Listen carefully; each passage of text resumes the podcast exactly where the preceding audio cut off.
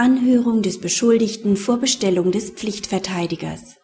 Das Oberlandesgericht Düsseldorf hat die Neuregelung in 141 Absatz 3 Satz 4 StPO konkretisiert. Der Beschuldigte war an einem Sonntag in Untersuchungshaft genommen worden. Zwei Tage später wurde ihm ohne vorherige Anhörung vom Ermittlungsrichter ein Pflichtverteidiger bestellt. Die hiergegen gerichtete Beschwerde war vor dem Oberlandesgericht Düsseldorf erfolgreich. Das Oberlandesgericht sah den Beschuldigten hier ausnahmsweise durch die Pflichtverteidigerbestellung beschwert, weil er vor der Bestellung nicht angehört worden war. Dadurch sei sein grundsätzliches Bestimmungsrecht übergangen und der Anspruch auf einen Verteidiger seines Vertrauens verletzt worden. Daran ändere auch der Umstand nichts, dass nach dem neuen Paragraph 141 Absatz 3 Satz 4 StPO der Pflichtverteidiger unverzüglich bestellt werden muss, wenn sich der Beschuldigte in Haft befindet.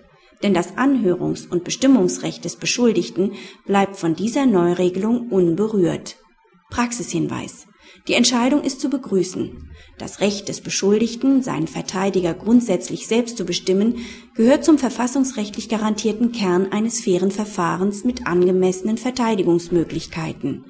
Die Neufassung des Paragraphen 141 StPO soll dieses Recht durch zügige Bestellung des Verteidigers stärken und darf nicht herangezogen werden, um im Gegenzug die Mitsprachemöglichkeiten des Beschuldigten bei der Verteidigerbestellung einzuschränken